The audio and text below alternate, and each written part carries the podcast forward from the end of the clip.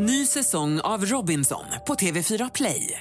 Hetta, storm, hunger. Det har hela tiden varit en kamp. Nu är det blod och tårar. Fan händer just nu. Det. är Detta är inte okej. Robinson 2024, nu fucking kör vi! Streama söndag på TV4 Play. Ni ska känna er varmt välkomna till Fotbollsmorgon måndag där vi givetvis stämmer av läget med Alec Axén. Det är en väldigt kall morgon och en minst lika kall landskamp som väntar. Fabbe presenterar årets allsvenska elva och Axén, och han säger emot på varenda punkt. Ja, precis som vanligt är de inte överens om någonting. Annars blir det stort fokus på den granskning som Fotboll Stockholm och ETC släppte nu i helgen gällande den agentfirma som infiltrerat AIK Fotboll. Vi ringer upp AIKs klubbdirektör Fredrik Söderberg och så får vi besök av av de två herrarna som ligger bakom granskningen. Tune in! Fotbollsmorgon presenteras i samarbete med Oddset, betting online och i butik. EA Sports, FC 24.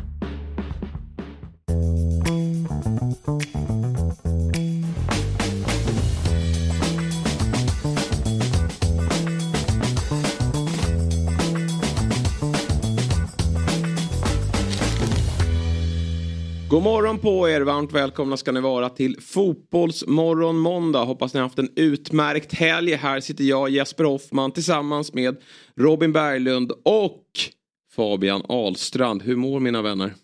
Ja, bra. Mm. Den här gången behöver du inte tänka till utan du visste svaret på den frågan. Du har haft en ledig helg. Nej, inte lördags men det, det går. Ja. Eh, testa också att spela pickleball i helgen. Ja. Nya, har du hört om det? Nej, det är en blandning av alltihopa. Ja, exakt. På badmintonbana så är det en blandning med paddel och tennis och... är, det, är det det alla hallar ska förvandlas till nu? Ja. Men du spelar med innebandyboll. Så det är mindre rack. Ovärdigt. Ja. Men, bro, Lägg ner det. ja. ja. Jo, jag, det var så jag tänkte på förra men det var faktiskt ganska kul. Ja. Men det, är ju, det, är ju, det är ju gängkannat padel. Okej. Okay. Mm. Alltså den roligaste racketsporten är ju strandtennis. Det blir ju aldrig tråkigt. Alltså slänga sig i vattnet. Fatta att köra att det är en halv meter vatten. Mm. Och så kör man två mot två över ett nät. Får man slänga sig och det skvätter. Ja. Och... Men det som provocerar mig med strandtennis, man ligger och kollar ibland på de som spelar med ja. De får ju knappt ihop två slag Nej. mellan varandra. Ja. Alla är ju så fruktansvärt dåliga på det. Men fatta att se någon som är riktigt bra på det. Ja, det hade varit... Upp 13. Ja. Eller något. Du, någon strandtennis blev det inte Polen va? För det är väl Nej. där du har varit i helgen Robin? Så är det. Jag har haft en uh, jättefin uh, helg i Mariehamn. Mm. Jag har också som Fabbe jobbat lite men känner mig ändå superutvilad och peppad på att hänga med er. Ja, vad kul. Vi kan väl göra som så att vi kopplar in våra hörlurar här. Mm. Vi har uh, som sig bör 7.30 måndagar med oss vår första gäst och det är ju ingen mindre än Rynninges stora stjärna. Och som du märker då, herr Axén, så har vi toppat laget denna måndag. Men först och främst då, god morgon på dig. God morgon och det var på tiden Jesper. Jag har saknat din eh, härliga stämma. Ja, vi hörs ju av bara via, via eh, luren då. Men jag säger dit då faktiskt. Det är alltid något speciellt att få prata fotboll tillsammans med dig. Och jag tänker så här då. Vad, vad har du tagit del av den här granskningen då som eh, Fotboll Stockholm och ETC har levererat till oss här under helgen? Vad är dina ja, tankar? Eh, det är mycket rykten som har gått en längre tid i fotbollssverige, så är det ju. Sen är det ju så att sportchefer och föreningar oftast jobbar med några få agenter för att man liksom har en kontakt. Och har man då kommit någonstans där man får ärva sådana här grejer så, så blir man gärna kvar tror jag. Men eh, man, vill ju, man vill ju gärna vara vid eh, liksom några få agenter. Det var ju samma med mig. Jag hade ju en agent som jag inte gillade alls. Eh, men vi hade kanske fyra eller fem spelare i min trupp som han hade. Så vi fick ju gå åt varsitt håll när han kom och hälsade på, typ, för det gick inte bara. Men man måste ändå vara så stor att man kan ta spelare därifrån och inte straffa dem. Men, men det är klart att jag gärna pratade med andra agenter när det gällde en ny spelare. Tror du att vi över tid kommer se allt färre agenter med tanke på alla dataverktyg som finns som underlättar för klubbar? Jag tänker i form av scouting dels det, sen tror jag som ni sa, den här, det här testet nu och att det ska gå igenom eh, Uefa, Fifa med betalningar och sådana här grejer gör att det, att det kommer vara mer kontrollerat, så är det ju. Mm. Sen kan man inte vara eh, liksom en rådgivare åt både klubb och spelare, utan man får välja en sak nu. Mm. Eh, det är också viktigt tror jag. Och sen är det ju det, ett problem som du sa Robin där som jag tycker är intressant, är att du som farsa får inte eh, förhandla åt din son när man kommer upp i typ 17-18 års ålder utan man måste ha en licensierad eh, kille där. Och det kan jag tycka drar lite väl långt men jag tror att det är enda sättet för att komma åt det så mycket som möjligt. Mm. Nu menar jag mer så här att, man, att, att klubbar inte behöver vända sig till agenter när de ska rekrytera spelare. Nej, det har vi också. Nej, det är klart spelare kommer behöva agenter i ja. framtiden. Också. Nej, men det är väl också en resursfråga såklart att, att eh, svenska klubbar inte har lika stort, eh, stora möjligheter att Nej. ha scouter ute och då är det klart att agenterna via sina nätverk har möjlighet ja, att, mm. att, erbjuda bra spelare. Men du, hur, hur, problematiskt är det då om en agent har, vi säger då, fem, sex spelare i ett lag och, och när det kommer till laguttagningar och annat, hur, hur stor påverkan kan det, få, kan det ha på på den sportsliga verksamheten? Nej, men jag brukar säga att det inte det är inte bra gjort av en agent att ha många i ett lag. För som du säger, det kan bli konkurrenssituation som gör att den ena inte får spela då. Ännu sämre är det när de har samma position. Och det hände mig när jag var i Gais att jag hade en, en, en känd spelare som var agent som hade en fem, sex spelare hos mig och det var ju liksom, det var idiotiskt för att det var en eller två som fick spela och övriga satt ju på kvisten och en del var inte ens på kvisten. Så det är ju, man måste ju tänka när man är eh, agent också var man sätter spelarna och, och, och liksom varför man gör det. Så att det är bara dumt att ha många i ett lag eh, om man ser till just spelarens eh, utveckling. Mm. I den här granskningen då så kunde vi eh, läsa oss till då att det fanns ledare i eh, AIKs akademi som hade starka kopplingar till, eller har starka kopplingar till Universal och att de då har såklart då, gett fördelar för, för Universal spelare. Är det här unikt för AIK tror du eller finns det i, i eh, andra klubbar runt om i landet? Ja, men tänk om du är tränare i vilket lag som helst, bättre än Fabbes, men ändå. Uh, och du har en agent uh, och, och sen har den då agentfirman massa spelare som vill stoppa in spelare där. Då betyder det ju indirekt att du måste spela dem. För att annars kommer du inte ha dem som agent eller du jobbar emot dem. Det är det som jag tycker är lite problem med ledare som har agenter faktiskt om jag ska vara ärlig. Eh, jag vet inte hur man ska göra för att komma åt det men det är klart att det kommer påverka och det är klart att du kommer få en liten påminnelse om att eh, den här tillhör vårat stall, varför spelar inte han? Typ. Så att man sätter sig i en jävligt dum position genom att ha, att man tillhör ett agentverk, tycker jag, när man är tränare. Hej! David Fjell här från Dobb. Jag vill tipsa om att Eurotalk är tillbaka som podcast helt fritt där poddar finns. Vi spelar in ett nytt avsnitt varje måndag. Så när du lyssnat klart på Fotbollsmorgon och vill höra mer om den internationella fotbollen så finns vi där och dyker ner tillsammans med dig, mig, Martin Åslund, Christian Borell och Marcelo Fernandes. Eurotalk finns fritt där poddar finns.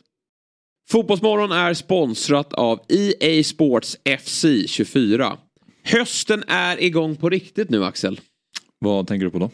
EA Sports FC24 är nämligen här och det nya kapitlet av The World's Game. Glädjen är här Axel. Ah, Okej, okay, men du tänker så. Samtidigt så vet du ju ändå någonstans att dina barn kommer ju vinna mot dig i FC24 snarare än du tror. Ja, så kan det ju definitivt bli vad det lider. Men just nu är jag faktiskt vassare. Så låt mig leva på de villkoren så länge det varar. Okej, okay. men eh, ska vi ta en match då? Vi kör AIK båda två och så möts vi på exakt samma villkor. Ja, mer än gärna. Jag som trodde att den stora glädjen redan hade kommit, men då ligger den ju framför mig. Eh, det ska bli väldigt fint att slå dig, även om det kommer bli konstigt då att tvåla dit Gnaget. Jag kan säga att jag har hunnit öva en del, redan slagit myggan till exempel och dina sparringspartners är ju inte så bra säger du, alltså dina kids. Nej, vi får se hur det blir. Det fina med EA Sports FC24 är att det har rättigheter för mer än 30 ligor där givetvis då allsvenskan är inkluderad. Eh, så finns även eh, Premier League, eh, Serie A, La Liga, Bundesliga, Champions League och många, många fler. Mm. Allsvenskan är dock det enda som betyder någonting för mig Jesper. Ja, vi kanske ska se till att mötas med några Champions League-lag också. City mot Real Madrid kanske. Mm. Ja, vi säger så. Och vi säger tack till e-sports FC som är och sponsrar Fotbollsmorgon. Men du, vi har kommit till eh, tiden på året där årets lag börjar presenteras från olika tyckare och experter. Och då är det väl såklart att Sveriges bästa expert, Fabian Ahlstrand, ska få ta ut sitt årets lag då, med bästa. fyra omgångar kvar. Eh, och så ska du då Axén få ge din syn eh, på det hela. Det låter väl ja, det som ett kul upplägg. Han har ja. hängt nu med Norling och Lagerbäck och grejer. Så nu är man ju Nu är man ju sjua typ. Vi får se. Jag ska göra Ja. mitt bästa.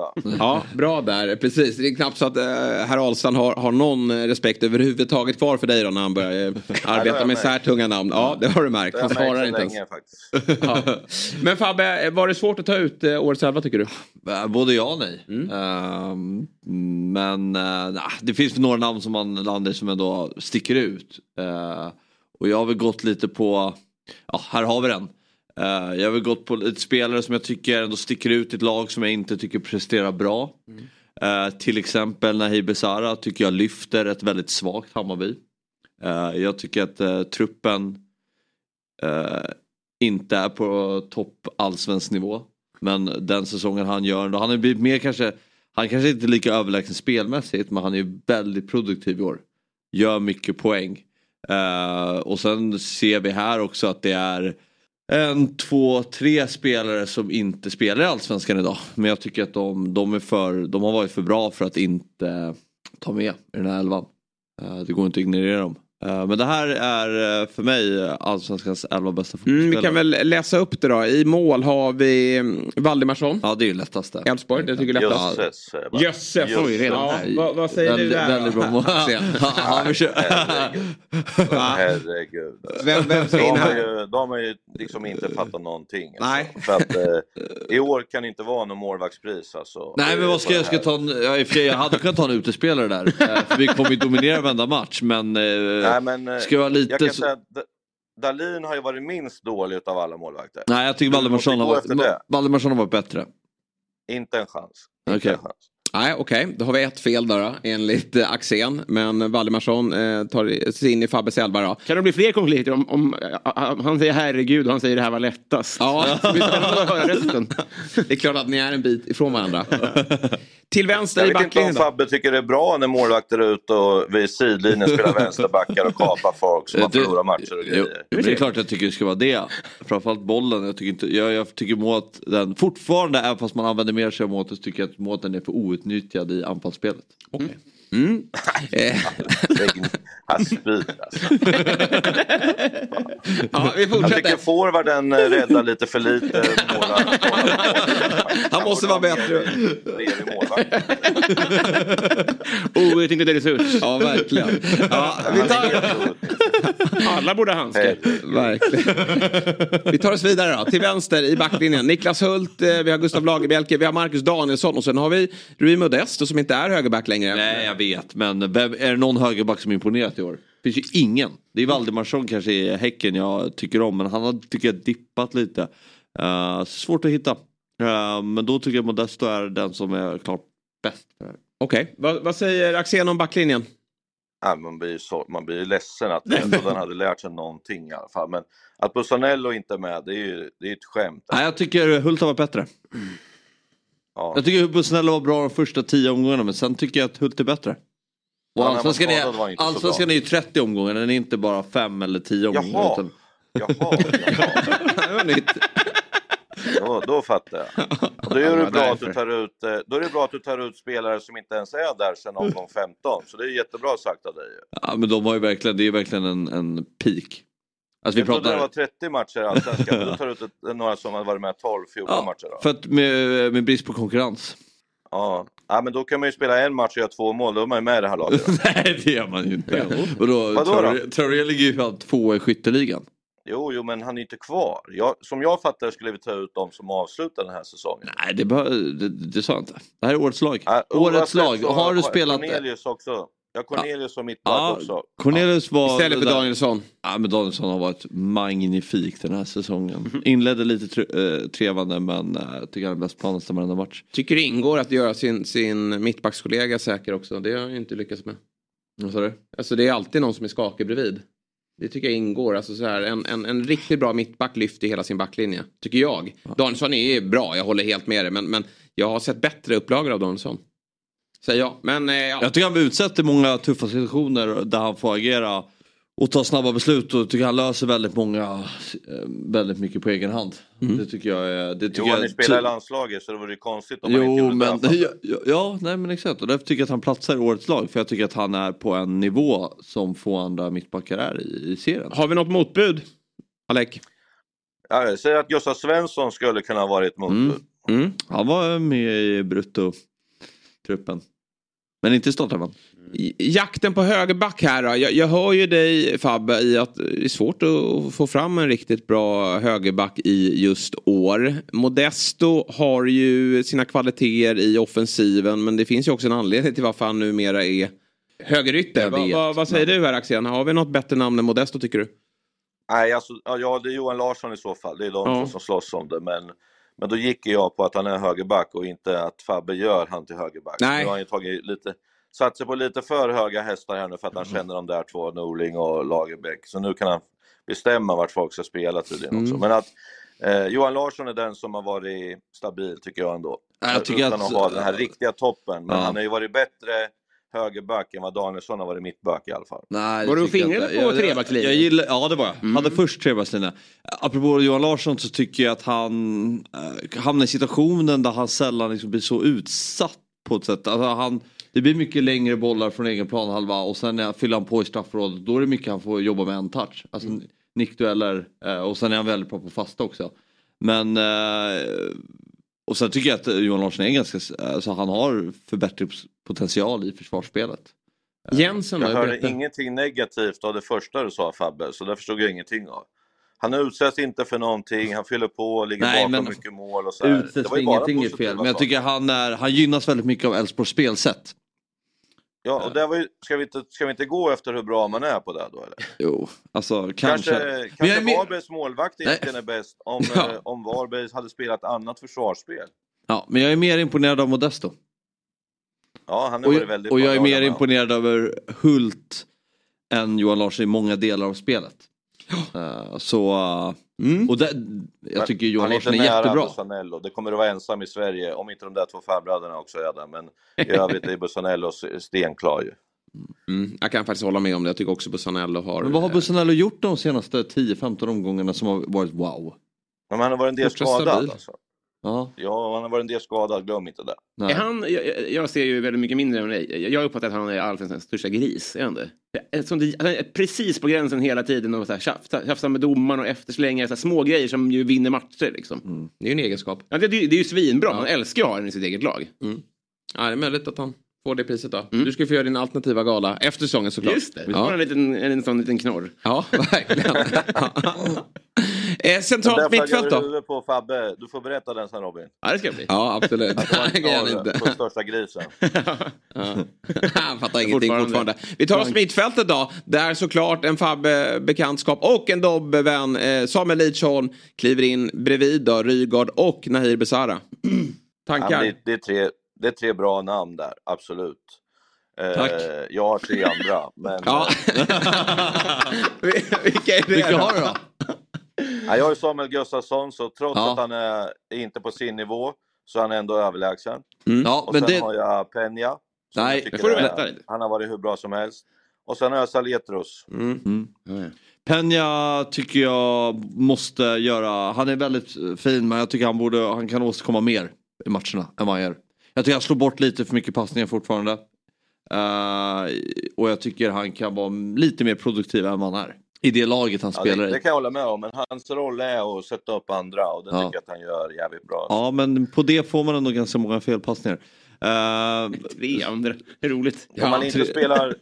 Om man inte Nej jag vet, jag vet, jag vet, jag vet. Då, men, då, men kommer jag- det, då kommer det verkligen inte hända någonting. nej, och, Det händer någonting nu. nej, han är väldigt bra. Eh, Besara tar sig in eh, poängmässigt en fantastisk Ja, säsong igen. Exakt och eh, sen kanske i spelet ibland är ju kanske inte så dominant men i det laget och gör så mycket poäng så tycker jag att han ska in. Eh, och ehm, ja. ja. Besara, tankar? Nej, det är ju en liten favoritspelare till mig så det är klart att han, det är roligt att Fabbe har sett storheten i honom. Ja. Eh, han gör ju de andra väldigt bra och han har oftast flest löpmeter Mm. per match som inte folk tänker på. Eh, så att det är ett jättebra namn. Mm. Och så anfallstrion då, där två inte spelar i Allsvenskan längre då. Men det är ju Sadik, konstiga eh, Traoré, Häcken och Nanasi till vänster. Nanasi kan jag ändå tänka mig att du också har i din elva va? Det har jag, Nanasi är klar. Men sen har jag ju då flyttat ut Rygaard på kanten. Ja. ja det är ju märkligt eller? Apropå att ta... Nej, men på tal om att jag får bestämma lite så, så liksom kan det bli att han utgår lite från en diamant och så glider han ut i kanten. Mm. Men sen har jag ju det stora stjärnskottet, Erabi, som nia. Ja, snyggt. Den, den kan jag verkligen skriva under på. Alltså så, alltså vad kom han upp i? Nio kassar till slut va? Nej, han är inte alls där uppe. Vad har han gjort? Nej men hos oss är han ju det. Ja, Nio, jo men nio mål har han väl gjort? Det. Jo, hur många har han gjort? Du kan ha 29. Vad är det? 5, 7, 7?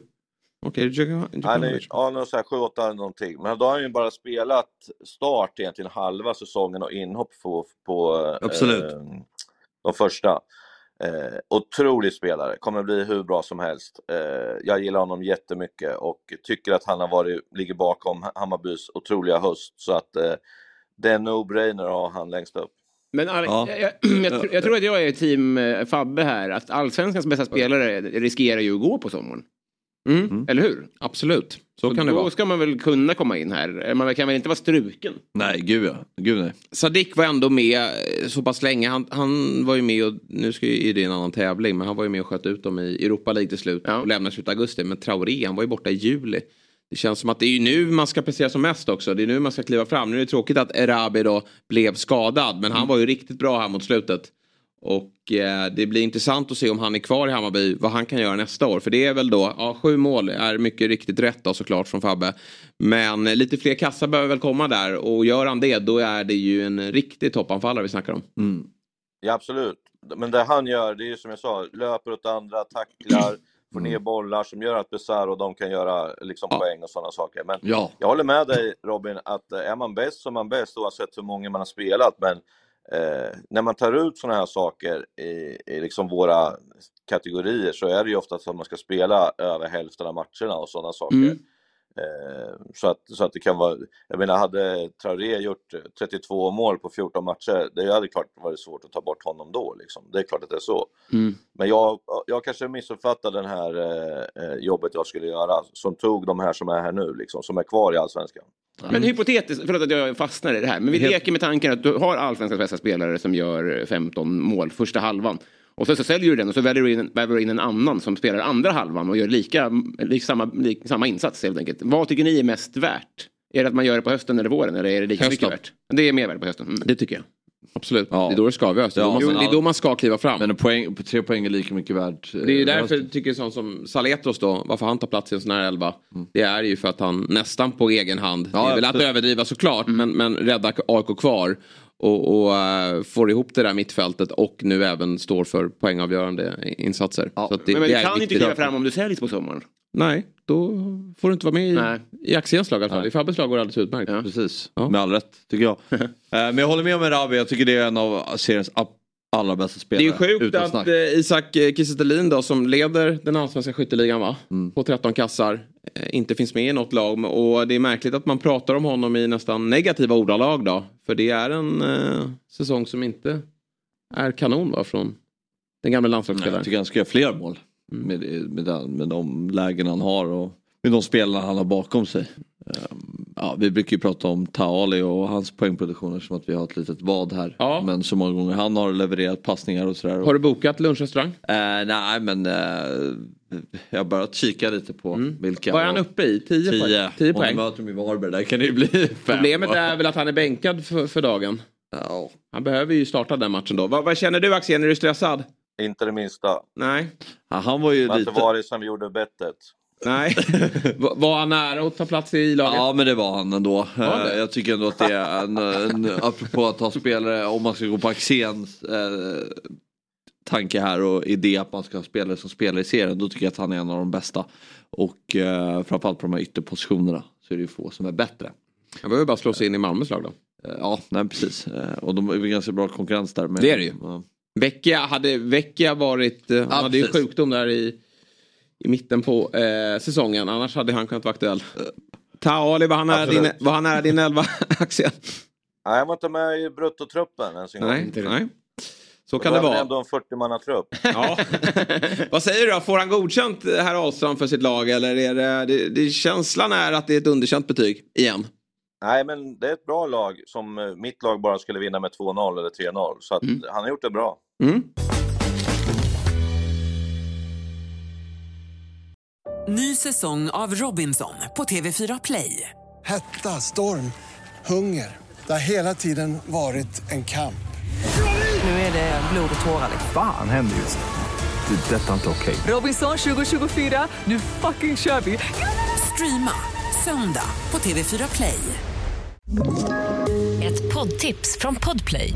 I fallen jag aldrig glömmer djupdyker Hasse Aro i arbetet bakom några av Sveriges mest uppseendeväckande brottsutredningar. Går vi in med hemlig telefonavlyssning och, och då upplever vi att vi får en total förändring av hans beteende. Vad är det som händer nu? Vem är det som läcker? Och så säger han att jag är kriminell, jag har varit kriminell i hela mitt liv men att mörda ett barn, där går min gräns. Nya säsongen av Fallen jag aldrig glömmer på Podplay. Där är vi tillbaka i Fotbollsmorgon måndag. Diskussionerna går varmt vill jag lova Mm. eh, under pauserna. Jag, Jesper Hoffman, sitter här tillsammans med Fabian Ahlstrand och Robin Berglund. Alldeles strax då ska vi ringa upp Fredrik Södberg. Mm. Och sen senare då så gästar ju Viktor Asp och Egil Söderlin Mm. från eh, ETC. Men först och främst så har vi fått besök av den enda spelexperten vi har i det här avlånga landet, nämligen Myggan. Hur är Tack, läget? kul, bra introduktion. Ja. Jättebra, kul att vara här. Ja, hur har helgen varit? Det har ju inte spelats särskilt mycket fotboll så då undrar man ju vad Myggan har gjort. Det var två tolvrättsrunder. Igår var det, var det Polen som svek mig och sen var det Wimbledon i lördags. Mm. Polen tappar poäng mot Moldavien alltså. Som såg klappkassa ut mot Sverige. Jag var lite dum efteråt alltså. Ja, verkligen. De klarar sig ju inte utan Lewandowski där. Nej, uppenbarligen. uppenbarligen. Men jag tänkte att de borde vinna innan. Så att, Tycker jag det så det var. Sen är det amerikansk fotboll. eh, eh, ingen pickleball. Hör att du, du är torsk. Ja, på det. Det är ingen favorit. Jo då, men det är, det är högt. Eh, I USA är det problem. Det är 36 miljoner användare i USA ju. Ja. Eh, men det är högt ljud. Det är som att gå på disco. 89 decibel tror jag det låter som. Oj. Och så öppnar de upp på parkeringsplatser och står och kör. Så folk som bor där blir tokiga på det här ljudet. Varför man ju låter det så mycket? Det... Ja, det är ju den här innebandy. Ja. Det är hälsenan som brister. Ja. Men använder de också sig av innebandybollen? För Ja, den- det är bara okej. den som används. Ja. En idrottsboll. Var spelar man pickleball i Sverige? Jag spe, det var som rackethalsar på badmintonbanan. Du kan Okej. använda samma... Samma linjer. Samma Och Som linjer. på tennisbanor kan du göra om till två pickleballbanor. Ja. det finns massa. Det är ganska smart sport. Så drar du ner nätet då och så kör du. Men det är inga väggar då? Inga Nej, nej, nej. väggar. Men du kan köpa din driveway i USA så typ så här 100 dollar får du ett set för. Och bygga upp hemma. Så du har. Mm. Det är därför det är så lätt. Folk kommer in i det väldigt enkelt. Men 36 miljoner användare. Det, är alltså det, det, padel var, det var någonting. Det här är något annat. Liksom. Tror du det? Alltså åtminstone USA. 36 Jo. miljoner. Det är ju liksom. Det var Ja, det så, så mycket amerikaner som rör på Sen sig. undrar man vad som krävs för att kvalificera sig som användare. Alltså... Nej, nej, nej. Det är nog väldigt su- superlåg eh, inköp. Alltså väldigt Ja, så. Väldigt precis. så. Det håller jag med om. Mm. Det är bara gå förbi en parkeringsplats. Ha en innebandyboll. Man det, Exakt. ja, Då var du ordförande. Titta Ja. lite. Men du Myggan, du är ju här av en stor anledning och det är ju för att vi ska kika till då din kvällstrippel. Det är ju EM-kval fotboll ikväll och det är ett eh, Sverige som åker ner till eh, Match nummer tre Belgien. spelades i torsdags. Måste jag dock eh, berätta. Då är det ju lätt att tippa. Ja, det är lätt att tippa. Och eh, det blev eh, Turkiet vinst. Ja, jag, tippade, jag tippade Kroatien. Då vänder vi på Vi den gör, och vi gör om och gör rätt Ja, istället. precis. Nej, men vi börjar till vänster istället så får vi se om vi ändrar den sista. Ja. Eh, Belgien och över 2,5 mål. Yes. Det jag var ett eh, superfint odds, 2,51. Ja, De vinner är- matchen, Lukaku gör två baljor minst. Vi Det är ett av dina bästa speltips jag tror du någonsin har levererat. Eller då har du levererat många bra. Men det här tycker jag känns eh, superklart. För det som är otäckt då med Belgien är ju, de är klara, Ja. absolut. Men de kommer ju lufta lite gubbar också som ju Ja, såklart visst. håller väldigt hög nivå. Självklart. Och ett Sverige som måste gå framåt, alternativt redan är utslagna. Ja, det kan Mm. Nej, men bli med, med vårt försvar, ska vi gå på kontring då finns det luckor att utnyttja. Det kommer bli fest. Tror jag. Ja, så är det verkligen. Vi tar oss Det är som att till... tippa på att kungen ska dö. Ja. Det känns helt sjukt. Nej då. Så illa är det inte. Så inte Ja, alls. Vi har redan dött. Ja, verkligen, att, eh, verkligen, verkligen. Det, Det är inte här avgörs. så ont gör det. Så ont gör det verkligen inte. Nej. Eh, ja, vi Eh, fortsätter. Luxemburg, Slovakien. Mm. Luxemburg är ju lite överraskningslaget. Slovakien ligger före dem i ligan, eller i tabellen. Portugal är redan klara. Jag tror det kommer bli eh, målrikt och eh, stökig match. Kanske 2-1 Slovakien, så båda lagen gör mål, 1-93, jättebra. Sista matchen, Bosnien, fyra poäng efter Slovakien. Måste gå för det. Det är samma som i Sverige. Leao och company, Jota och de här. Ja, som, det finns som, ju bra Felix kommer ju starta idag antagligen. Ja, Ja. De startade inte i fredags. Så när de tre går in och går Ronaldo och de softa kanske. Då tror jag kommer det bli åka upp. De gubbarna han nämner. Jota och Leao och de här. Jao Felix. Ja, bra. bra med. Riktigt bra. Alltså, när de kliver in i den här matchen tror jag de gör två mål.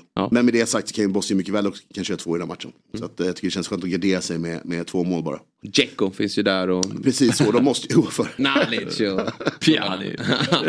ja. Nu är inte Nalic med. Ja, ja, han är med och kör. Han får ju spela rätt mycket. 8.32. Det är nog bra start på veckan. Ja, Jag tror också det. Det är Mm. ju bara det är en uh, liten peng där så har man ju, uh, ja renskapet har man ju men, men lunchen på ICA Roslagsstulla 99. Jag menar det. Skönt att bara liksom, tisdag med en gratis lurre. Ja, Gillar landsfredaglunchen. Ja, verkligen. Det är med skam man kliver dit.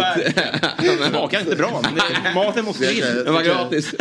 Det finns, det finns så mycket så här, parametrar som spelare att tänka på. Men Sitter och att, gråter eh, efter 16. Men att så här, landsförräderi är en parameter jag måste lägga in nu när jag spelar känns ju hemskt. Alltså. Ja. Men eh, här vet vi i alla fall att det är 832 gånger pengarna. Oddset är ju en produkt från Svenska Spelsport och Casino AB. Upplever man problem med sitt spelande så har man ju stödlinjen.se till hand. Eh, Vi har ju nallat på det tidigare i programmet såklart. Men nu ska vi verkligen ta oss an helgens snackis då, nämligen Fotboll Stockholm och ETCs granskning av agentfirman som infiltrerat, kapat AIK menar eh, vissa då. Eh, hur, stort problemet, eh, hur stort är problemet i AIK och hur ska klubben gå vidare efter det här? Kommer AIK jobba mer med agentfirman? Eh, undrar vi och jag, vi fick ju nog svar på det i helgen men vi ska prata mer om det nu då. Eh, och den som har såklart eh, bäst och flest svar på detta är ju AIKs klubbdirektör Fredrik Söderberg. Så vi säger god morgon och varmt välkommen till Fotbollsmorgon Fredrik. Stort tack! God morgon på er. Eh, tack så mycket. Du, till att börja med, hur ser du på den här granskningen och eh, välkomnar du den här typen av granskningar av eh, din klubb som du är klubbdirektör för? Ja, givetvis. Det är, eh, och det säger jag inte bara för att det är politiskt korrekt att säga så, utan eh, vi kan komma in på det senare i samtalet, men det underlättar ju såklart för oss att eh, först, alltså, gå framåt med, med eh, beslut. Beslut är väldigt självklara för oss. Det är också eh, viktigt att Eh, på, ett, på ett sätt som eh, kan, vara, kan vara svårt annars att hitta, att hitta ett bra sätt att kunna kommunicera på, att det, saker och ting kommer upp, eh, upp till ytan. Eh, så av, av, den, av, av, den, av det skälet så välkomnar jag definitivt eh, granskningen. Sen finns det alltid liksom delar och nyanser i den här granskningen som man kan grotta sig i och hur relevant det är. Etc. Men det, det är egentligen ointressant. Jag tycker inte man vill, jag vill inte gå där liksom att detaljgranska utan konstatera mer så här. Eh, AIK behöver brösta att det är ett problem. Och Mm. granskningen hjälper oss att brösta det. Så. Ja, hur, hur stort problem är det skulle du säga och hur bra koll har ni haft på de här problemen innan, innan granskningen från Fotboll Stockholm och ETC? Alltså, jag har fått till mig rätt mycket uppgifter. De uppgifter som lyfts fram i granskningen har jag, eh, har jag här, inte, inte, inte till 100 procent, men i stora delar har jag fått, fått till mig sen, sen tidigare. Eh, utmaningen tycker jag ligger i att vi har brustit i att ta kanske problemet på så stort allvar eller låtit det eskalera.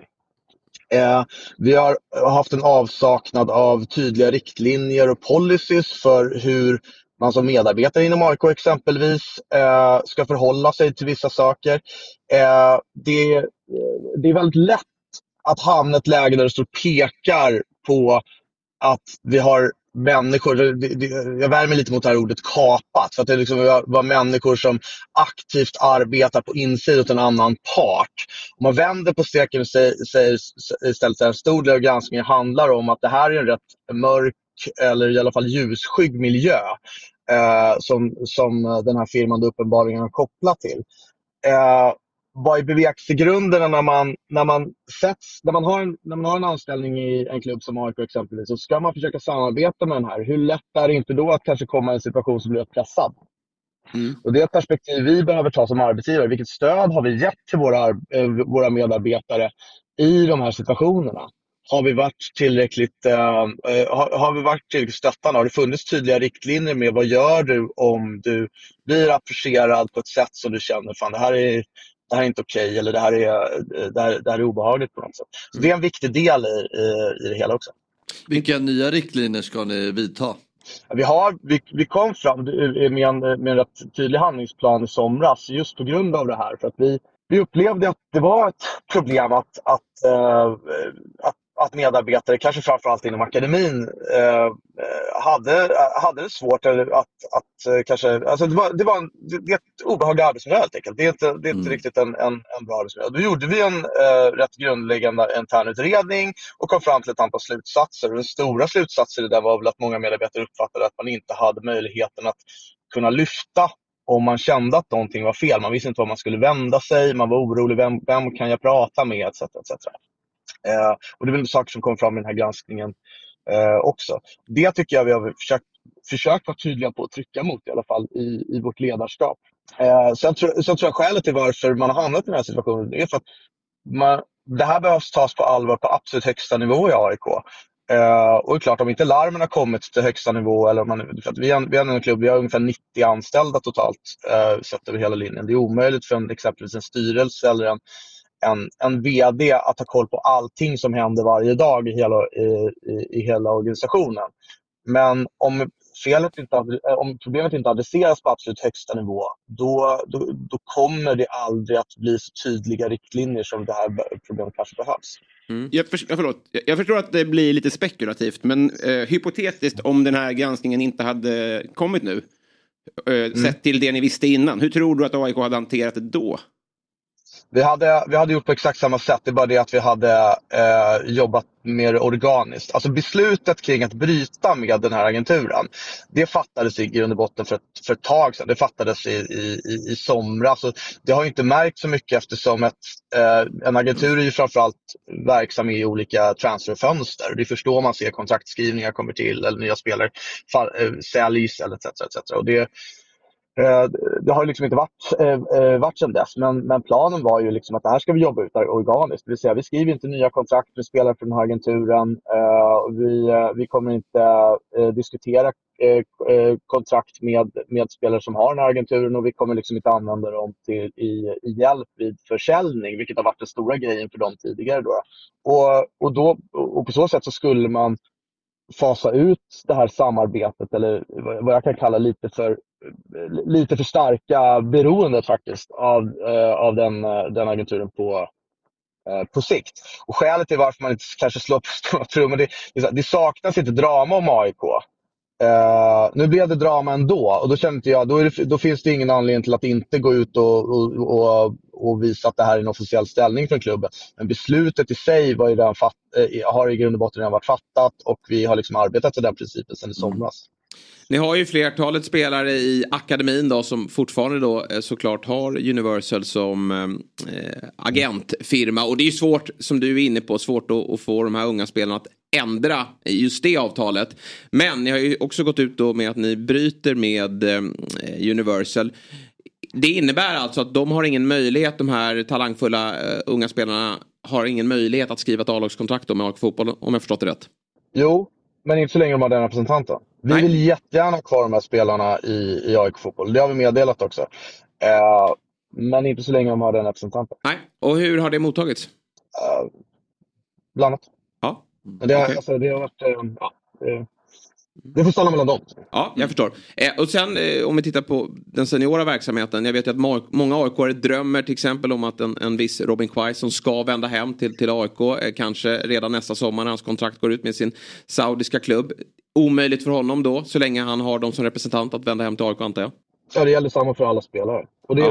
återigen, det är viktigt så här. Spelarna tycker jag, ja, spelarna har ett ansvar vilken representant de väljer, självklart. Mm. Men exempelvis om du är AIK-spelare idag, vi har, vi har tre spelare i vårt A-lag eh, som, som, har den som, eh, som har University som representant. Och vi har tre spelare i vår akademi. Mm. Eh, och, och, och ja, de är AIK-spelare det är viktigt att det, du ska inte bedömas utifrån vilken representant du har idag tycker jag.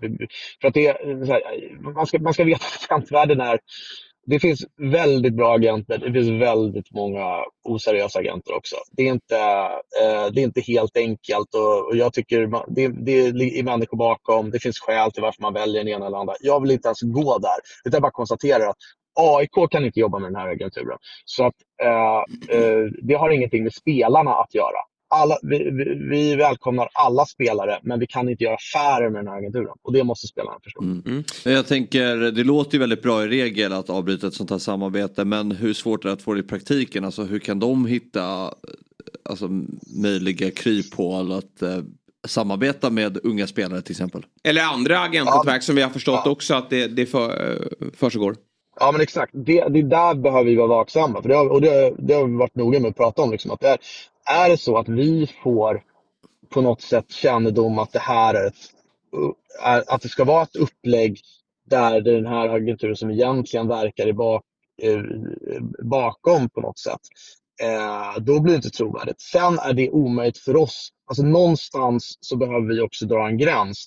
Om det är information som kommer till oss alltså så här, ja, eh, efteråt, att, den, att Universal hade affär med en annan agentur och sånt där.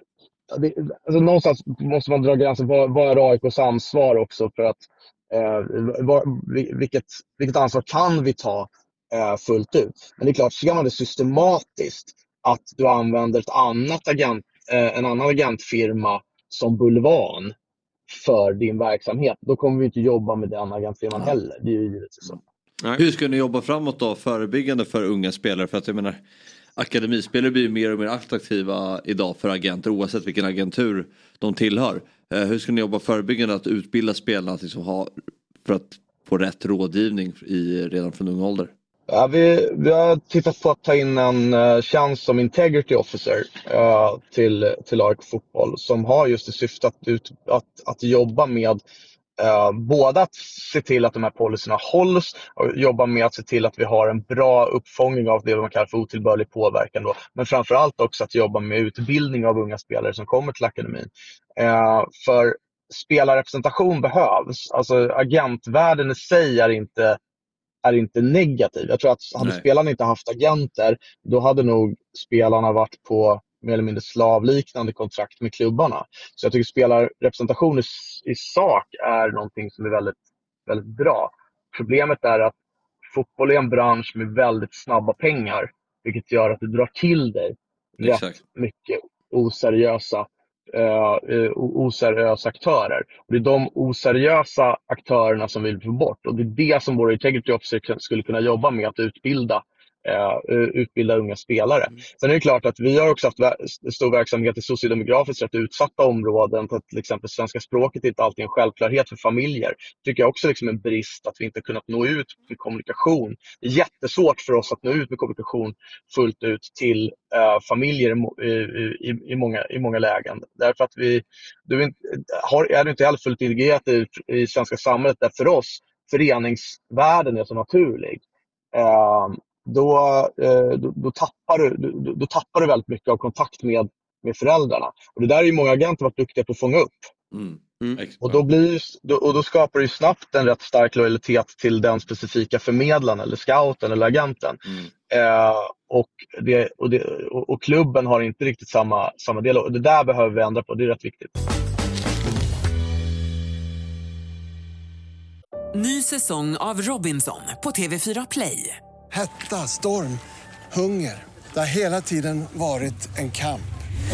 Nu är det blod och tårar. Fan händer just det. det detta är inte okej. Okay. Robinson 2024, nu fucking kör vi.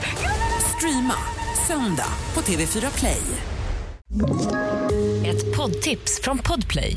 I fallen jag aldrig glömmer djupdyker Hasse Aro i arbetet bakom några av Sveriges mest uppseendeväckande brottsutredningar går vi in med hemlig telefonavlyssning och, och då upplever vi att vi får en total förändring av hans beteende. Vad är det som händer nu? Vem är det som läcker? Och så säger han att jag är kriminell, jag har varit kriminell i hela mitt liv men att mörda ett barn, där går min gräns. Nya säsongen av Fallen jag aldrig glömmer på Podplay. Jag, jag, förstår att det blir svårt för, eh, från er sida som ska vara eh, liksom, oberoende och kanske inte peka på att den här agenten bör ni jobba med. Men borde det inte komma från förbundshåll en, en lista med agenter som de går i god för att det här är ett, ett, ett bra företag att jobba med. Här har vi vetskap om att det, det går till på ett, på ett någorlunda rätt sätt. Absolut, och det har vi pratat om i olika samverkansforum också. Vi har ju rätt bra samverkan både med Svenska Fotbollförbundet och övriga, eh, övriga klubbar. Det här är ju så att säga ett delat problem, även om de här granskningarna lyfter upp AIK som ett, eh, som ett konkret exempel. Eh, så att eh, det är, en, det är en sån lista som, den skulle absolut vara välkommen. Jag förstår att du inte har full in... Ja, fortsätt. Ja, det är svårt. Det är svårt, samma sak för Svenska Fotbollförbundet att stå och peka och döma eh, också, och på vilka kriterier. Det, där, det, det, det är inte helt lätt att få fram en sån lista, men det hade definitivt varit önskvärt.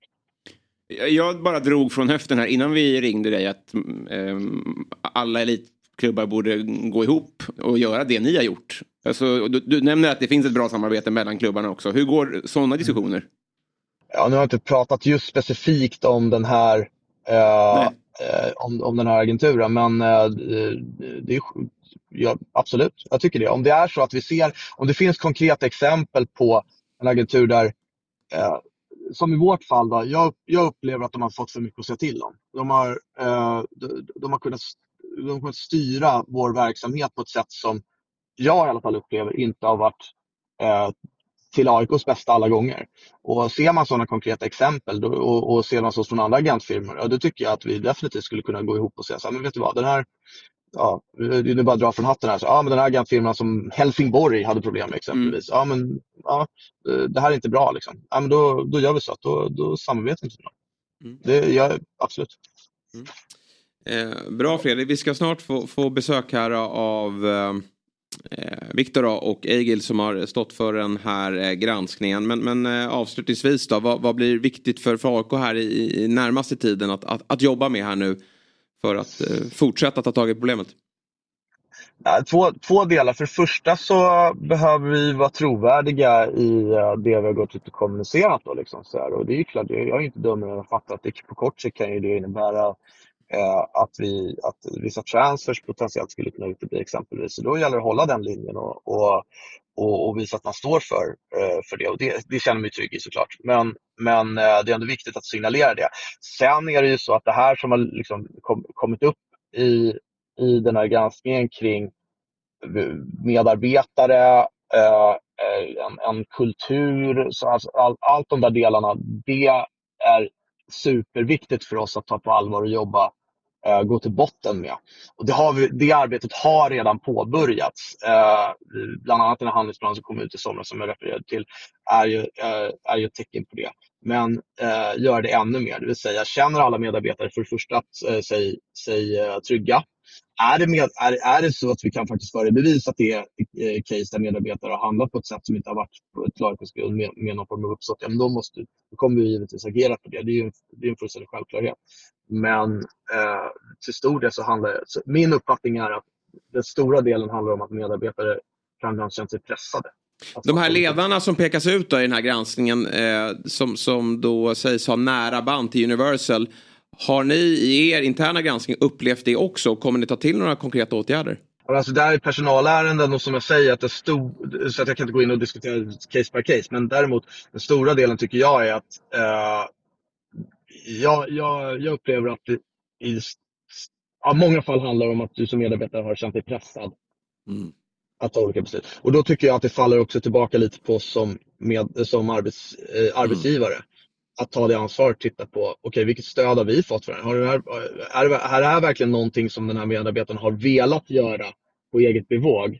Eller är det så att du har känt dig tvungen att göra det av olika skäl? Mm. Så att det, ja, den- är viktig. Ja, bra Fredrik. Stort tack för att du tog dig tid och lycka till nu med ditt viktiga arbete kring de här frågorna. Tack själva. Ha det bra. På. Hej.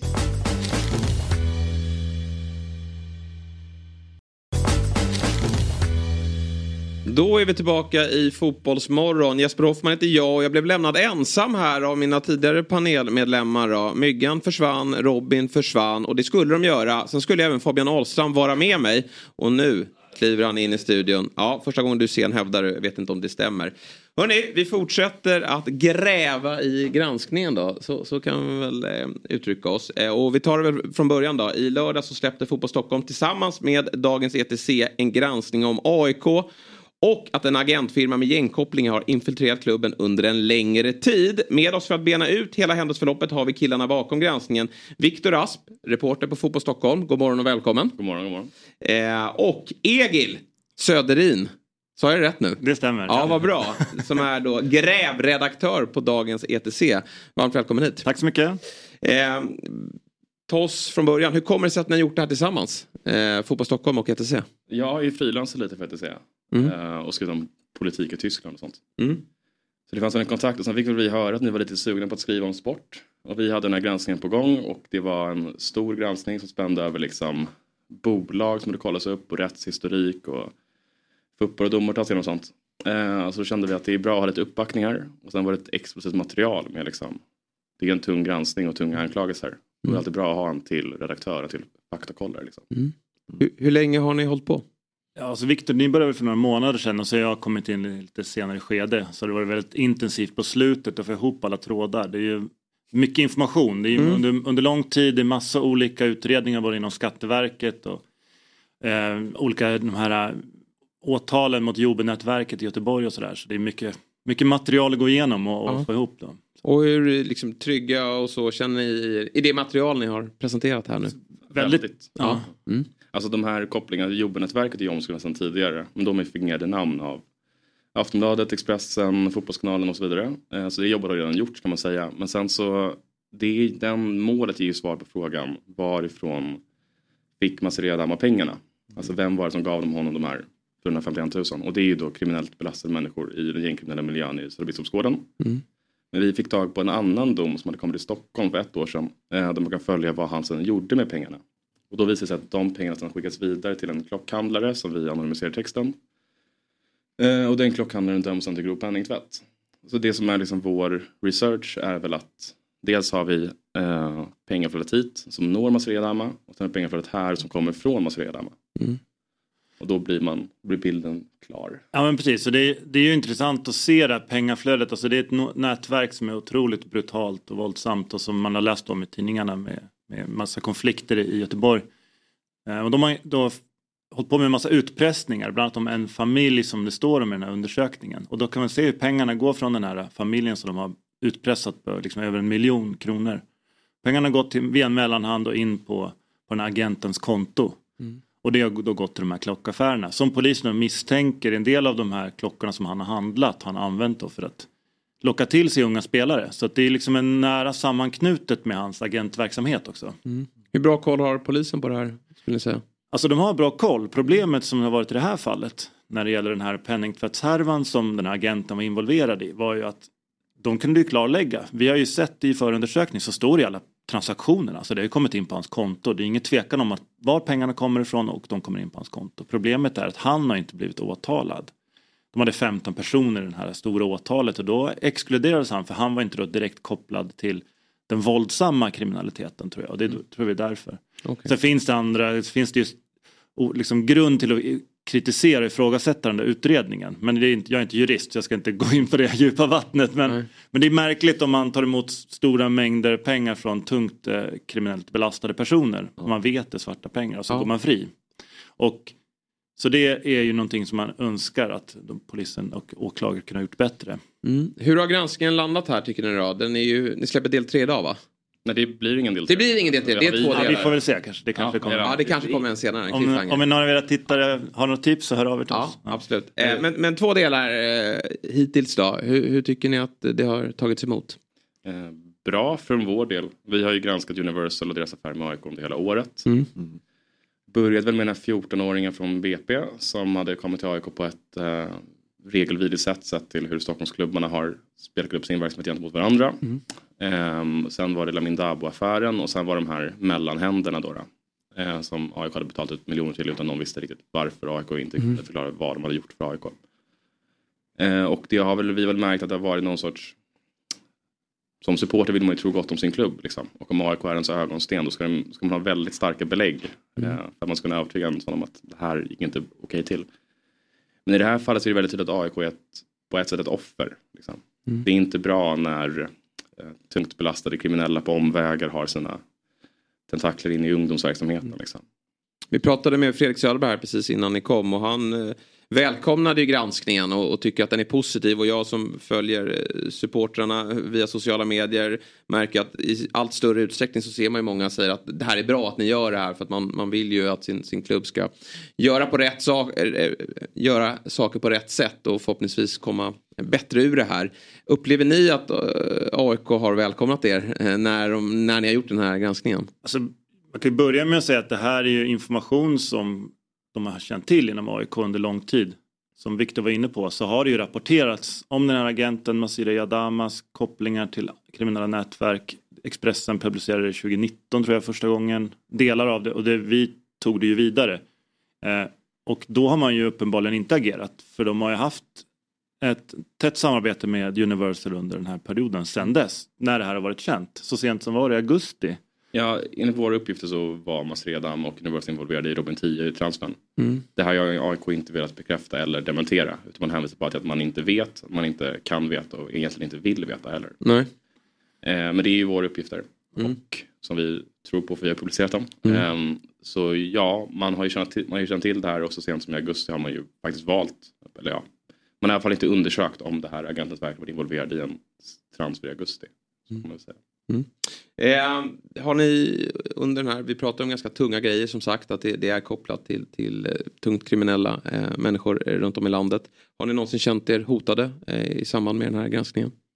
Nej, det, det, jag har inte känt något, något hot men man måste alltid vara försiktig och, och det är personer med ett stort våldskapital som rör sig i de här miljöerna så det måste man ta på allvar och vi har tagit de säkerhetsåtgärder som krävs och pratat mycket om säkerhet kring det här.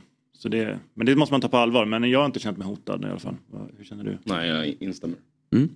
Huvudpersonen då i er text, eh, Masire Jadama, ligger bakom flera försäljningar och har ju en, då en eh, nära relation till AIK. Dels så, så är de ju då, är han företrädare för spelare i akademin och även några i, i A-laget.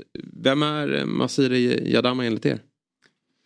Alltså det är en person som av vår research började ju liksom med, eh, med väldigt goda intentioner och drev olika ungdomsprojekt för att just hålla ungdomar borta från kriminalitet. Och sen hände det någonting och vi, det är svårt att veta. Han vill inte själv ställa upp på en intervju och förklara. Han har inte sagt någonting till er eller? Nej. Nej, sökt honom återkommande gånger Mm. det här året. Men sen, Och inte ens ha någon kontakt med honom. Eh, om vi har någon kontakt med honom? Ja, nej, jag pratar med honom att han... Nej, han svarar inte. Nej, nej. Eh, Och sen har han då successivt eh, haft täta band med, med olika nätverk och eh, det har ju då löpt parallellt och varit inflätat i den här agentverksamheten vilket är förvånande med tanke på de risker som det medför som vi ser idag liksom om nu då AIK menar allvar med att bryta med agenturen så är ju- innebär det en stor förlust, prestige och ekonomisk för, för eh, agentverksamheten. Mm. Vilket det, ja, svårt att begripa men Mm. det är ingen tvekan om vad, vad han håller på med. Nej. Han kommer ju själv då från, från utsatta områden eh, utanför Göteborg. Har varit involverad i olika samhällsprojekt. Bland annat då FC Ibra som ska hålla unga borta från kriminalitet. Man undrar ju lite liksom, vad som har hänt med Masire efter det här. För det, det finns ju goda idéer i, i grunden. FC Ibra blev ju också nedlagt i Borås för Mm. att det blev rekryteringspooler för kriminella. Mm. Alltså FC Ibra var ett sånt projekt som man plockade in ex-kriminella som man hoppades hade lämnat den kriminella banan. Och skulle de till exempel se att sina barn inte skolkade och så. Mm. Det fick ju slut, alltså det fick ju effekten att de hade ju kriminella metoder också mot barnen. Så det var ju kanske eh, en örfil för mycket liksom. Mm. Och då la man sig ner det och det är väl det som är alltså både Lugna Gatan och FC Ibra som han var involverad i. Där vet vi inte exakt hur drivande han var och om han kan hållas skyldig eh, för någonting. Men där, det är värt att i det här sammanhanget poängtera att ja, goda intentioner men särskilt bra blev det inte. Liksom. Nej. Eh, jag undrar också hur, hur övriga klubbar ställer sig till Universal. Nu vet vi att AIK säger att de klipper banden, att de inte kommer att göra några affärer mer med spelare som företräds av Universal. Hur ser det ut bland övriga klubbar i, i det här landet? Är, aktar sig klubbarna eller finns det Universal-spelare som är utplacerade i fler klubbar? Min bild, jag bevakar Stockholmsfotbollen, min bild Mm. är att Hammarby och Djurgården aktar sig för att göra affärer med det här nätverket. Mm. Vad jag vet så finns det en spelare i Djurgårdens ungdomslag som har Universal. Och en spelare i Hammarbys ungdomslag som på omvägar kan kopplas till Universal-agenter. Men några A-lagsspelare var det länge sedan de hade i Hammarby och Djurgården. Mm. Sen vet jag ju att IFK Göteborg och Halmstad BK bland annat gör affärer med Universal. Mm. Eh, om det finns den här aspekten av infiltration och dubbla agendor i den ideella ungdomsverksamheten, det vet jag ju inte. Eller ideell och ideell, då får. Men i ungdomsverksamheten, det vet jag inte. Mm. Eh, men, ja. men jag vill ju också poängtera att jag tycker att Söderbergs svar, särskilt i Fotbollskanalen, är klockrena. Mm. Alltså om man menar allvar med att man inte ska skriva, inleda kontraktsförhandlingar med Universal. Då får ju det effekten att till exempel många i det här väldigt bra 08-laget som AIK har nu, de kommer inte få några seniorkontrakt med AIK. Nej. Och då har ju de ett val att antingen så fortsätter man jobba med agenturen eller så fortsätter man spela i AIK. Och det blir ju ett det är ju faktiskt, tycker jag, eh, av AIK att ta ansvar. Ja, det håller jag verkligen med om. Men för att det ska ge effekt fullt ut, då är det ju viktigt att andra klubbar också kliver ut att, och, och, och säger samma sak som AIK. För som Mm. ni säger, otroligt talangfulla spelare och skulle kunna välja att gå till vilken klubb som helst i det här landet Mm. för de är så pass duktiga. Och, och eh, det är ju liksom, AIK är inte det bästa laget i det här landet. Det finns ju flera klubbar att, att gå till. Tror ni att eh, vi kommer se effekten på det här? Att, att fler klubbar ansluter till vad, vad AIK nu går ut och kommunicerar? Så det, jag är inte så superinsatt i fotbollsvärlden men jag tänker att det, det är svår eh, PR-vinst, eh, svår PR-kampanj att vinna att man skulle liksom offentligt vilja associeras med den här klubben, med den här agenturen och med de här personerna som så tydligt har de här gängkopplingarna. Det är ju det, det, det är svårt att se men vad, vad, vad som händer om några år det vet inte jag men, men nu skulle det nog vara ganska svårt ska jag gissa. Några supportrar såklart blir förbannade över att det är AIK ni, ni ger er på här eh, och, och att de eh, blir, blir offer för det här. När många menar på att det här är ju en samhällsfråga. Det är ju polisen och förbundet som ska ställa, ställas till svars. Vad, vad har ni att säga gällande det? Så, som idrottsklubb så måste de ju fortfarande ta sitt ansvar. Det är också så att det här är pengar från kriminell verksamhet som går in i en agentur och de pengarna har vad polisen misstänker används för att rekrytera spelare och locka till sig spelare. Så att fotbollen och den här kriminella verksam- verksamheten smälter samman och då kan man inte som klubb bara säga att det här är ett an- ansvar för polisen och speciellt inte om man då känner till det här och det har ju varit ryktats och pratats om det länge vad jag förstår inom AIK. Det är inte några, några nya uppgifter egentligen.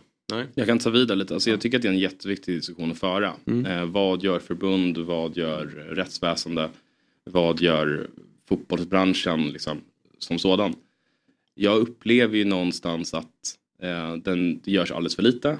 Eh, SVF har förlitat sig på att det ska komma ett Fifa-regelverk som ska lösa allting.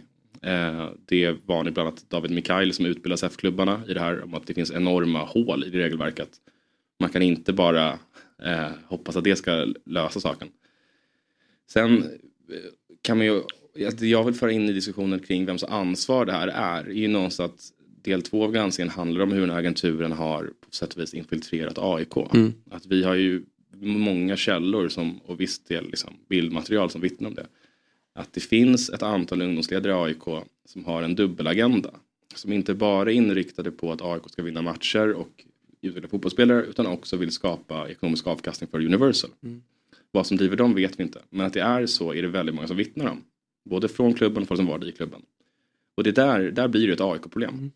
Alltså AIK kan ju inte säga att ja, men, eh, Fifa har inte sagt att vi inte får ha anställda med dubbelagendor. Liksom. Nu säger inte jag att AIK skulle säga det, nu är jag lite raljant. Mm. Men ni förstår poängen. Att det där blir ju faktiskt ett AIK-problem som är svårt Mm. för SEF, SVFF eller polisen att gå in och lösa. Och hur blir de anlitade från början då? I vissa De fall, det är ju svårt att svara på, det har väl varit en vanlig anställningsprocess. Men i vissa fall så är ju avsaknaden av jämförbar erfarenhet och tidigare meriter slående. Mm. Så, folk som har fått väldigt eftertraktade jobb i fotbollssvängen och som inte har mycket att visa i väg av meritförteckning. Så det är väl tydligt då att eh, AIK och eh, agenturen har tydliga kopplingar som gör att de hjälp, hjälps åt av Ja, men jag, kopplingar är väl kanske lite att dra det för långt men att Alltså jag skulle inte säga att hela AIK. Nej, nej det förstår jag, men eh, i vissa fall. Att, Ja, men i- i- i vissa fall- an, använder sig av den här agenturen. I vissa fall har ju folk resurser. Har ju folk enligt våra källor och Mm. ja, det, den sidan kan vi dra själv. Fått de här jobben för att de är lojala mot Universal. Och det för ju med sig fördelar för AIK i det korta loppet. Du kan helt plötsligt få in en massa bra spelare i ungdomsverksamheten. Mm. Som du kanske inte skulle få annars. Eh, å andra sidan är det här ju i det långa loppet extremt skadligt. Alltså det, det fattar ju vem som helst. Om du har anställda som vill prioritera en viss spelare för att han har rätt agentur eller vill övertala vissa ungdomar att byta agentur. Det skapar ett klimat i hela klubben där du blir beroende av en tredje part som är din motpart i spelarförsäljningar och kontraktsförlängningar och så vidare. Eh, så i det långa loppet är det ju extremt skadligt för AIK fotboll och det har ju folk förstått och larmat till oss. Och där pekade ju Felix Sjöberg att det är dålig arbetsmiljö för Mm. de anställda. Att de tvingas stå inför ett vägval i, i många beslut. Mm. Ja, att de har känt sig pressade och att de inte har fått det stödet som, som man kanske ska få från en, en arbetsgivare. Eh, men händelseförloppet är ju tydligt här att de, de ger sig på unga spelare i väldigt tidig ålder eh, och i det här fallet utsatta områden lockar med, med klockor och, och pengar.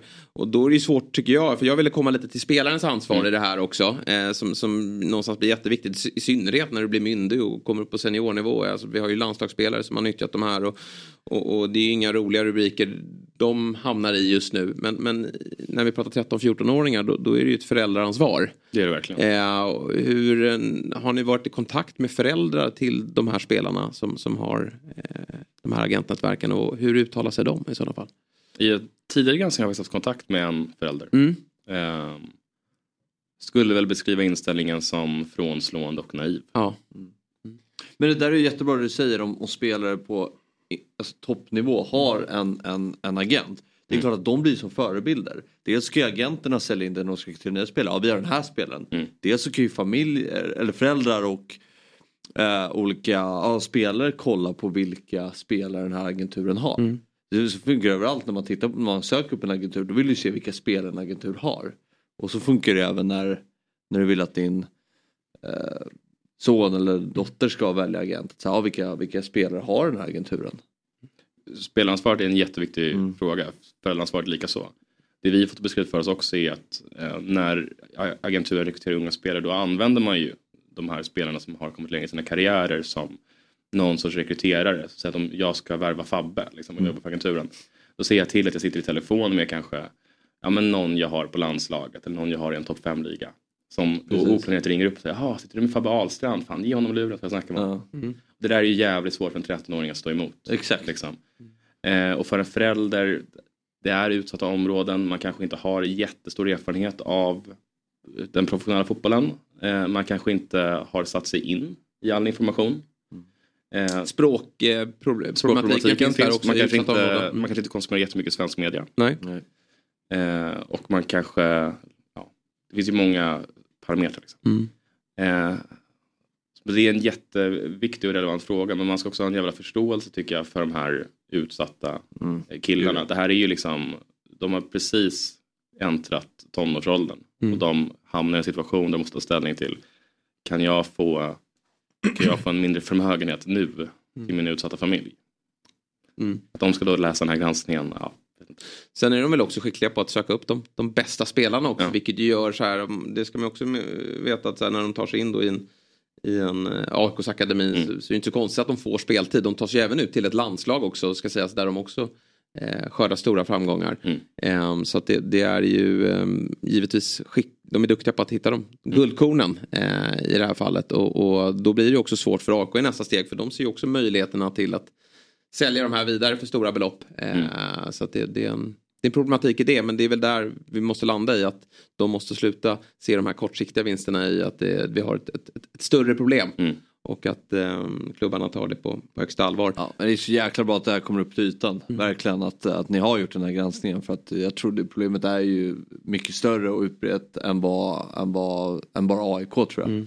Eh, så det är verkligen bra att man börjar diskutera det här och att, ja, men att klubbar börjar ta mer ansvar. Jag menar vi har haft jättemycket problem som jag sa i början av programmet med matchfixning i, i Sverige. Eller vi har legat i toppen i, i Europa. Eh, och att, um, ja. Vi var väl topp tre internationellt. Mm. Var vi väl? Ja, topp tre exakt. 2018. Ja. Det är ju totalt skrämmande. Anser ni att för- förbundet har tillräckligt mycket nu liksom bevis? Kan, kan de stänga av eh, det här agentnätverket? Skulle de kunna liksom kliva ut och göra det eh, på, på det ni, liksom, den här granskningen som ni har och eh, med stöd från, från rättsväsendet? Eh, Jag vet inte riktigt vad, vad- som är de liksom formella kriterierna, det vet du bättre Viktor. Men... Alltså problemet är ju att um, Masri Adamo som är det stora problemet. Jag har ju inte järnkoll på hur de andra Universal anställda, Nej. eh, vilka kopplar de har. Jag tror inte att det är så illa hos dem. Men det är ju han som är problemet. Det är han som borde stängas av. Han har ju ingen licens. Så han jobbar ju formellt som scout Mm. åt Universal. Eh, och det får ju den lilla konstiga effekten att det enda som förbundet straffar honom för när, han, när det kommer upp till ytan att han sitter i karriärsmöten och driver på för spelarförsäljning och sånt. Det enda de straffar honom med det är att den dagen han vill söka en licens då blir det svårare. Mm. För då har han redan, redan Vem är det hos Universal som har licensen då? Eh, det är en bra fråga. Jag är inte helt säker på vem det är. För tidigare har de använt sig av eh, John Selig bland annat. Eh, och Tommy Almen som är två herrar som bor i Göteborg som inte har någonting med fotboll att göra. De har ju fått stå som, de har ju fått, de har ju fått en licens då. När regelverket var ännu slappare. Eh, och så har de fått agera mellanhänder. Men det som är problemet med förbundets metod det är ju att när det kommer fram exempelvis att Universal har varit drivande i den här 14-åringens flytt från BP till AIK och att Mats Reda har suttit på Karlberg och snackat med AIKs anställda. Den som straffas då det är ju först och främst spelaren. Han kallas upp till förbundet, får en uppsträckning. Det är en 14-åring. Alltså, vad, vad, vad ska han ha gjort tycker de?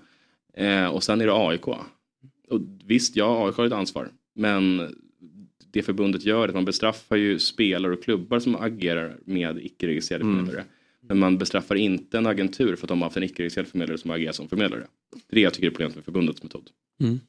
Vad skulle du se, säga vore det perfekta framåt då? Vad, liksom, vad behöver förbundet göra? Vad behöver klubbarna göra? Och finns det några andra? Eller det, det är ju Söderberg inne på att det finns många bra agenter. Det finns många dåliga agenter.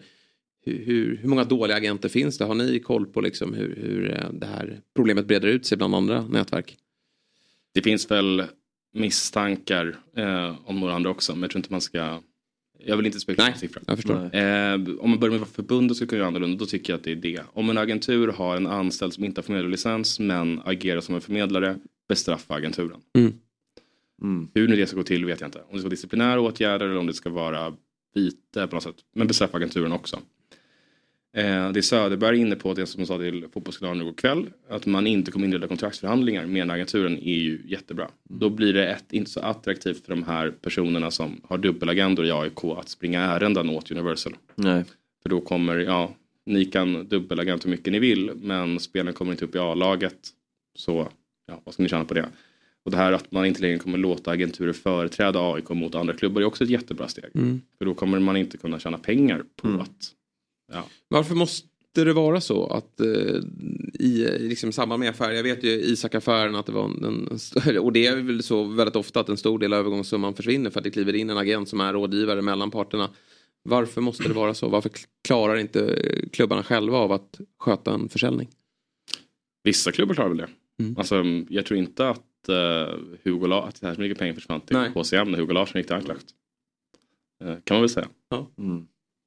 Det är någonting för några klubbar att ta tag i då, med andra ord. Men, eh, man, men jag vill också trycka på det att det AIK gör nu är väldigt bra. Ja, ja men absolut. Och, och Fredrik Söderberg ger ju ett väldigt gott intryck och det känns som att de, de, de är på rätt väg. Sen, sen återigen då, som ni säger, det var ganska nyligen då som ni upplever att det har varit Universal som har varit inblandade. Så man, man vill ju se det först men jag tycker att det, lå, det låter bra från Söderbergs sida. Eh, vi måste väl avsluta, väldigt eh, tacksamma för att ni tog er hit och, och berättade mer om den och framförallt då för de som har missat den här granskningen. Vi har ju pratat väldigt mycket om den idag. Men det är ju eh, två långa texter som går att ta del av då på fotbollstockholm.se och etc.se. Så det är bara in där och, och lösa en prenumeration och, och ta del av viktig journalistik. Tack, tack. Tack så mycket. Ja. Bra, eh, två timmar är avklarade. Eh, spännande morgon, grävande morgon. Och eh, imorgon tar vi nya tag. Då ska vi prata ner Sverige-Belgien. Lova mig att kolla på den matchen. Jag sa att jag inte skulle göra det. Nej men du får göra det så vi kan prata om den. Ja, nej. Ja. Är ni taggade på Sverige-Belgien? Mycket. Mycket, mycket. ja. Tveksamt kommer, ju- svar kommer ju inte slå Japan-Kanada om man säger så. Vad sa du? Kommer ju inte slå Japan-Kanada. Nej. Det var ju en härlig fotbollsupplevelse. Ja, så Men, det var det. Bra. Eh, tack för att ni tog er hit. Tack Fabbe och tack till alla er som har lyssnat och tittat. Vi är tillbaka imorgon igen 07.00. Fotbollsmorgon presenteras i samarbete med Oddset, betting online och i butik. EA Sports, FC 24